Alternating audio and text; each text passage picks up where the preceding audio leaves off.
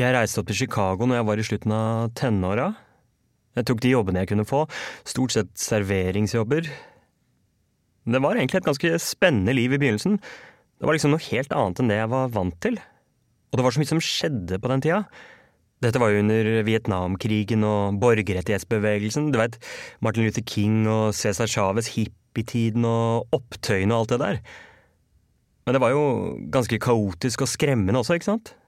Jeg var jo ung og usikker, og de opptøyene i Chicago gjorde veldig inntrykk på meg. Pluss at det ble ganske slitsomt å jobbe så mange skift for å få ting til å gå rundt. Men eh, så fikk jeg ganske uventa en jobb jeg hadde søkt på som saksbehandler for en lokalpolitiker i byen. Og det høres kanskje fint ut, men det var egentlig ikke så veldig avanserte greier. Det var mest papirarkivering og den type ting. Men det gjorde det mye lettere økonomisk, da. Jeg jobba der i nesten fire år, tror jeg.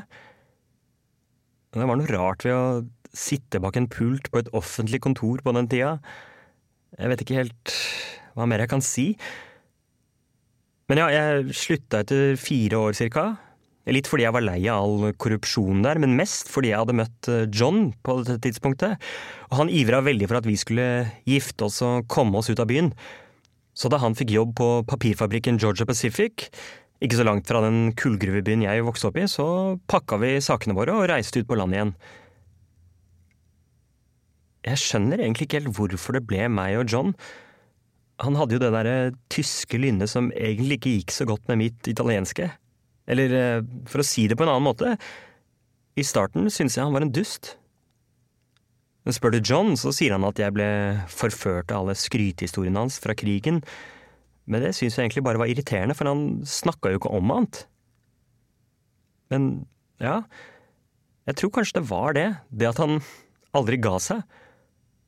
Han plukka meg opp hver kveld etter jobb, og så kjørte vi ut av byen til eh, Steak and Shake, og der satt vi nesten hele natta og spiste burgere og drakk milkshakes og kaffe, mens jeg hørte på alle disse historiene fra Vietnam. Eller, det var jo ikke så mange historier. Det var stort sett de samme som gikk igjen hele tida. Men det var kanskje det. Det at han insisterte sånn på dem. At de betydde så mye for ham, at han var stolt av å ha vært der. Det var det som gjorde inntrykk. Spesielt med tanke på hva alle andre mente om den krigen. John hadde integritet, liksom. Så etter tre uker med jævlig mange burgere og koffeinfri kaffekopper og historie på repeat, så gikk han ned på kne på parkeringsplassen der midt på natta, foran Transamen sin, og fridde. Og der og da kjentes det liksom helt riktig ut. Det var redningen, på en måte.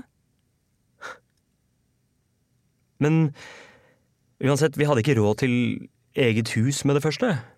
Så John kjøpte en bobil som vi bodde i de første to åra. Vi fikk plass i en trailerpark utenfor eh, Peoria. Det var kanskje ikke verdens beste sted, men vi var jo unge og ikke så veldig fine på det. Og det var jo midlertidig, så det gikk jo greit. Og vi hadde litt humor på det òg, husker jeg. Lata som vi bodde i et sånt eksklusivt gated community. Men så ble jeg gravid med Gina, og da var det ikke så morsomt lenger. Så da fikk John til slutt kara til seg et huslån, og så fikk vi oss et helt greit hus i småbyen Buckley, ikke så langt fra papirfabrikken. Eller det var faktisk mer enn greit. Det var ganske trivelig. Der bodde vi åtte år cirka, til fabrikken ble lagt ned og John måtte finne seg noe annet. Og det gjorde han på bilfabrikken til Mitsubishi, og da endte vi til slutt opp her. I småbyen Danvers. Hele gjengen. John, Gina på åtte, Dominic på seks og jeg. Jeg hadde jo egentlig ikke noe lyst til å bo her. Midt ute i maisåkeren. Altså, jeg liker jo småbylivet, men det får være grenser, liksom. Her er det jo ingen butikker, ingenting. Bortsett fra bensinstasjonen og postkontoret, da. Men likevel så endte vi opp med hus her, og det var egentlig på grunn av uh, en kanin. Dominic hadde mast om å få en kanin veldig lenge, en sånn liten hvit kanin med lange ører. Og så viste det seg at de som skulle selge huset, hadde en kanin. Akkurat sånn som Dominic ønska seg. Og de de stilte som betingelse at kjøperne av huset måtte overta kaninen. Så da var det gjort. Jeg tolka den kaninen som et tegn fra Gud. Det var her vi skulle være. Du har hørt utdrag fra Vi folket av Espen Klaumann Høyner.